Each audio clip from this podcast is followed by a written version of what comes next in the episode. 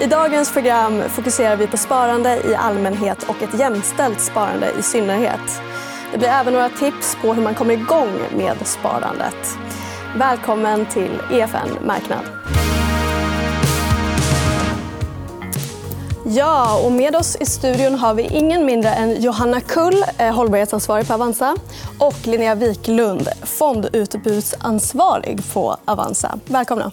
Tack, Tack snälla. Idag kommer vi alltså prata lite om börs och sparande generellt men med lite extra fokus på kvinnors sparande och jämställdhet på börsen. Eh, ni har ju faktiskt nyligen startat en podd som heter Alfahonor spekulerar, eller hur? Det stämmer. Ja. Kan du berätta lite vad podden handlar om? Johanna?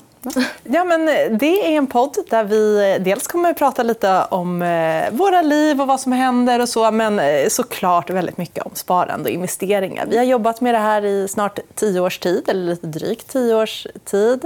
Eh, och ja, men brinner, får man säga så, mm. för att fler kvinnor ska liksom intressera sig för sitt eget sparande och sina egna investeringar. För Det handlar i slutändan om att man ska ta makten över sitt egna liv och få bättre förutsättningar. Och det finns väl en herrans massa eh, manliga börspoddar mm. eh, men lite färre med två kvinnor vid rodret. Ja, verkligen. Och ni har släppt eh, två poddar så länge. Eller ja, ja, exakt. Mm. Så vi hoppas att fler vill lyssna där ute. Ja, det hoppas jag med. Eh, Ja, men jag tänker att vi ska kolla lite på det här. för att Det finns ju liksom obalanser i sparandet eh, eh, på börsen och liksom generellt. Eh, för Här ser vi hur mycket män respektive kvinnor sparar. Och Det är ju faktiskt ganska stora skillnader. Varför tror ni att det är så här? Ja, men det enkla svaret är att det finns löneskillnader mm. mellan Eh, män och kvinnor. Men det, det täcker inte in allt. för att Löneskillnaderna mellan män och kvinnor de är mindre än skillnaderna i ägande och i sparande. Vi ser att det är större skillnader när det kommer till var kapitalet är fördelat men också hur mycket man investerar på börsen månad för månad. Här ser vi att om vi tittar på de som månadssparar 5 000 kronor i månaden eller mer det är en stor summa, absolut. Eh, men det är ju nästan dubbelt så många män som klarar av eller som månadssparar det än vad det är eh, kvinnor. Så att det finns ju andra typer av eh, skillnader här som vi måste komma åt och som vi måste försöka förändra. Ja, för att även om liksom summorna skiljer sig åt så ser vi också att aktieintresset eh, skiljer sig. Eh, vi har en graf här på hur könsfördelningen i aktieägandet i Sverige ser ut. Sex av tio aktieägare är män, fyra av tio är kvinnor. Och det finns egentligen ingen anledning till att det inte är mer Nej, eller mindre 50-50 här. För att eh, Det är så pass låga trösklar för att börja investera på börsen idag. Så att, eh, målbilden måste ju helt klart vara att lika många män som kvinnor eh, investerar på börsen och skapar sig möjligheter till en bra avkastning.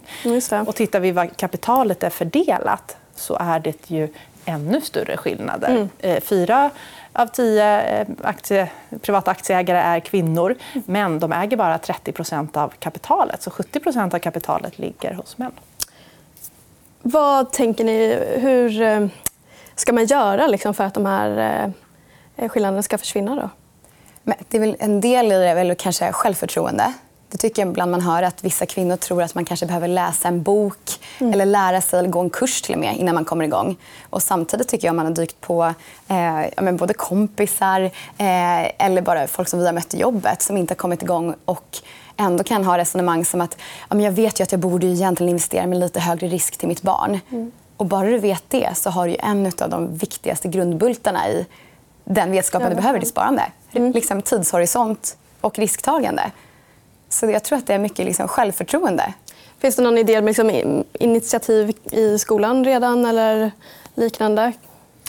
I skolan kan man absolut prata om mer privatekonomi generellt ur många aspekter av liksom andra privatekonomiska frågor mm. också.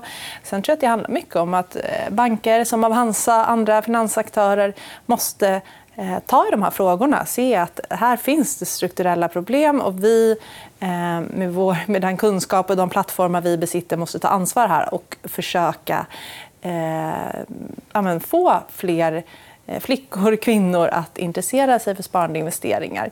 Eh, för det vi ser också, det vi ser att till våra barn sparar vi ungefär lika. Till liksom pojkar och flickor. Men sen när vi börjar komma upp i kring 16 års ålder då, ökar, då är det fler, eh, fler pojkar än flickor som har ett fondsparande eller har ett aktiesparande, kanske primärt aktiesparande. Då. Och det är för att det är fler killar som i ung ålder börjar intressera sig för börsen och säger till sina föräldrar att kan inte ni hjälpa mig att starta ett konto och investera. Och så, och så kanske man blir medlem i Unga Aktiesparare och så vidare. Och så vidare. Mm. Och redan där finns det en överrepresentation eh, bland pojkar. Så att när vi är små mm. och föräldrarna sköter det, då, då sparar vi på samma sätt. Men sen, i så pass ung ålder som kring 16 så, så, så drar det iväg. Ja, intressant. Mm. Och vi har ju den här grafen här. Då det illustrerar ju samma då, det vi pratade om att eh, männen äger mer eh, aktier än, eller äger mer aktier i högre utsträckning än kvinnor. Men vi ser ju att båda två liksom, graferna går i alla fall åt samma håll. Eller i alla fall här då, 2021. Vad var det som hände där? Ja, ja nej men där tror jag att vi har en liten graf till om vi ska titta lite ja. på sparandet. Precis. Eh, sen, ja, det här är långt tillbaka, men det finns ju ett tydligt skifte liksom pre och post-pandemin, mm. om man får säga så. Såklart, precis i början av pandemin när det briserade, då var det enorma utflöden. Men efter det börsen fortsatte att takta på i liksom en otrolig fart. Mm. Eh, folk kanske satt hemma, hade mer tid att lägga på sitt sparande. Och då såg vi alltså, framförallt där vi jobbar, en enorm ökning och det tror jag har varit liksom, på hela marknaden i nya kunder och framförallt yngre kunder som valde att ja, men, börja med sitt sparande, eh, prova att köpa sin första aktie eller sin första fond. Mm. Och under den här perioden då så gick det in väldigt mycket i aktiv förvaltning mm. om man tittar på fondsidan. Och det var ju en techboom och det gick bra för ny energi och andra branschfonder. Eh, så att man hade ju en bra avkastningsresa där. Mm. Sen så var det väl i ja, men någon gång februari 2021 mm. eh, så började det bli en techfrossa och vissa andra branschfonder också underpresterade om man jämför med till exempel då indexfonder, breda Sverigeindex eh, eller lite mer nischade för den delen, mm. med globalindex, investmentbolag. Så då såg vi ett tydligt skifte till indexfonder. Eh, och det utflödet ur tech och andra branschfonder fortsatte därefter. Mm. Och, eh, sen så har vi då sett att 2022 då händer det någonting. Mm. Och såklart alltså det hemska kriget i Ukraina. Mm. Sen har vi haft annan geopolitisk oro. Vi har haft eh, nedstängning av Kina. Vi har haft liksom, inflation, höjda räntor. Så det var ju väldigt mycket som hände samtidigt. Och den nedgången det har fortsatt. Då. De små flödena som vi har sett i alla fall har varit mycket in i index. Man kanske vill bredda sig och inte gå på de här mer nischade eh, högriskfonderna. Eh, och, ja, vad ska man ta med sig av det här? Jag tycker att det är inte bara folk som kanske började sin sparresa efter pandemin utan även jag. Jag har inte i vuxen ålder varit med om en sån här nedgång. Nej. Så jag tror att det finns väldigt mycket, ja, men framförallt yngre sparare där ute som faktiskt inte har varit med om en sån här nedgång. Och nu, ja, men så sagt, slickar sina sår och ja. kanske behöver eh, försöka hålla sitt sparsjälvförtroende uppe. Ja, för kan ni se liksom vilka det är som eh, tar ut mest eller flyttar om? Och... Nej. Har ni någon... Nej. Det har jag tyvärr inte. Nej, nej, nej, men det, det, det är en nej, men det vi ser kvalificerad gissning. kan man väl säga. Mm. Ja, nej, men det vi ser generellt så är det ju så här, när det är nedgång så brukar man ofta skala lite mm. på sina största fonder. Så de fonderna som hos oss är absolut störst. När det går ner och är oroligt då mm. brukar det vara att i takt med det så blir det ganska mycket utflöden ur dem. Som ofta sen kommer tillbaka för att det kanske är några av ens mest populära fonder. Ja. För det finns ju faktiskt ett undantag eh, på fondmarknaden. kanske glädjer dig extra mycket, Johanna. Ja, nej, men det vi ser här under senaste året då, där det har varit stora utflöden ur aktivt förvaltade aktiefonder eh, så finns det ett undantag. och Det mm. är fonder med tydligt hållbarhetsfokus. Alltså mm. de fonder som är klassificerade som hållbarhet som övergripande och viktigaste mål enligt en ny EU-förordning. De såg faktiskt inflöden på nästan 13 miljarder kronor förra året eh, trots att de bara utgör egentligen 2% av den svenska liksom, mm. aktiefondsmarknaden. Medan den stora gruppen fonder som kallas fonder som främjar hållbarhet mm. eh, de såg utflöden på, på nästan 10 miljarder kronor förra året. Så det vi såg är alltså att man tog ut från den stora gruppen aktiefonder men man satte in pengar. Det var tydligt att kapitalet gick till fonder där hållbarhet, ett miljömässigt eller socialt hållbarhetsmål är det övergripande och viktigaste målet med fonden. Eh, så att eh, vi kan nog förvänta oss att det kommer komma fler hållbarhetsfonder. Mm. Och vad, är det då, liksom, de som sätter in i de här fonderna? Varför tror du att det är så stor eh, trend nu? Eller vad ska säga? Men, eh, jag tror att det finns flera delar. Dels så ser vi att det finns liksom rent affärsmässiga skäl. Man vill investera sina pengar där man ser bäst framtidsmöjligheter. Och det är det någonting som det satsas på nu i Europa. I USA, med den här Inflation Reduction mm. Act, så är det ju tydligt att det är på den gröna omställningen. Vi ska, eh, förnya, vi ska elektrifiera fordonsflottan, vi ska ha förnybar energi, energieffektivisering. Det är verkligen liksom brännheta frågor där det är tydligt att det behövs investeringar och att det är den typen av bolag som måste, eh, som, som måste växa. Eh, och sen ser vi också bland privatpersoner och stora kapitalförvaltare att det finns liksom andra delar i det också. Att man vill investera sitt kapital så att det linjerar lite med ens, med ens liksom personliga preferenser. Ja, exakt. För jag funderar lite över det här också. Med, det är ju lite olika eh, klassificeringar som du var inne på. Eh, hur är det? det har ju varit mycket snack om liksom, eh, hur man ska definiera hållbarhet och liksom i, i fonder särskilt. Då. Tycker ni att det där har blivit tydligare? Myrsteg. Jag tycker, om man ska backa lite så har det funnits väldigt många olika märkningar. Och, ja, vi som jobbar på ett bolag där man är en plattform utan rådgivning, där försöker vi på något vis lägga fram de bästa alternativen så man som kund ska kunna göra ett väl avvägt val. Mm. Och vi kommer ju från att det fanns eh, ja, men, Swecifs hållbarhetsmärkning, det finns Morningstar Glober, det finns Risker, det finns eh, Svanen. Svanen. Så jag kan ändå, vissa av de här är också motstridiga. Så det är ju väldigt svår materia man rör sig med. Ja. Men det som har kommit nu är ju ändå, tycker jag, mer, om jag har förstått saken rätt, mer förklaringsyta utifrån fondbolagen där man faktiskt kan visa på vad vill vi, vad eftersträvar vi och inte bara vad de bolagen vi investerar i, vad just nu, hur mycket utsläpp har de?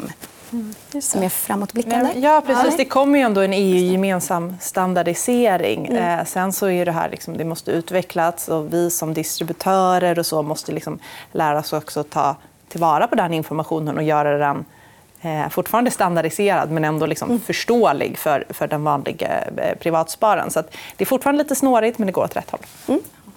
Det låter bra. Eh, ja, eh, vi har ju pratat mycket om sparande nu och hur viktigt det är. Men som vi har pratat om också är vi inne i en tid av inflation, räntehöjningar, eh, allmänt svår ekonomi. Det kan kännas lite motigt att ta tag i sparandet nu. Har ni några tips på hur man kommer runt det här? Ja, men vi, har, vi har funderat lite, så ja. vi har faktiskt tagit med oss några Bra, konkreta ja. tips. Eh, nej, men för det första så ska det, liksom, det här med kontinuiteten. Att man ska fortsätta månadsspara om man kan. Kanske en lägre summa. Mm. Eh, kan man dra ner på sina uteluncher? Mm. Vem vet? Börja där innan man drar ner på sparandet. Ja, ja precis. Om man nu har möjlighet till det. Ja. Ja, nej, men jag har största förståelse för att det faktiskt är svårt. Ja. Det är ju allting samtidigt på något vis. Mm. Eh, nej, men som vi pratade om också, att precis som när man kanske signar upp sig på ett maraton, mm. att man gör det ihop med sina vänner. Mm. Om man sätter upp som mål att vi ska försöka spara lite nu, då blir det på något vis förankrat och ett tydligt mål ihop med sina vänner och officiellt. Har ni ett mål ihop? vi får sätta upp det nu. Ja, verkligen. Ni får ha det i podden. Ja, nej, men då tänker jag att det som vi sa, kanske lite, lite högre tröskel att eh, fejla på det målet. Då. Mm. Och förhoppningsvis mer morot än att det ska kännas som något eh, ångestladdat såklart. Mm. Eh, ja, men och sen så, så här, lite bara börja om man känner att man inte riktigt har kommit igång. Så här, vänta inte på att lyssna på 20 avsnitt av vår podd nej, eller 17 avsnitt av det här programmet. Utan bara kör. Och sen kan du göra, får jättegärna lyssna i alla fall mm. och titta. Eh, men bara börja. Börja med en bred globalfond, eh, indexfond, enklaste enkla.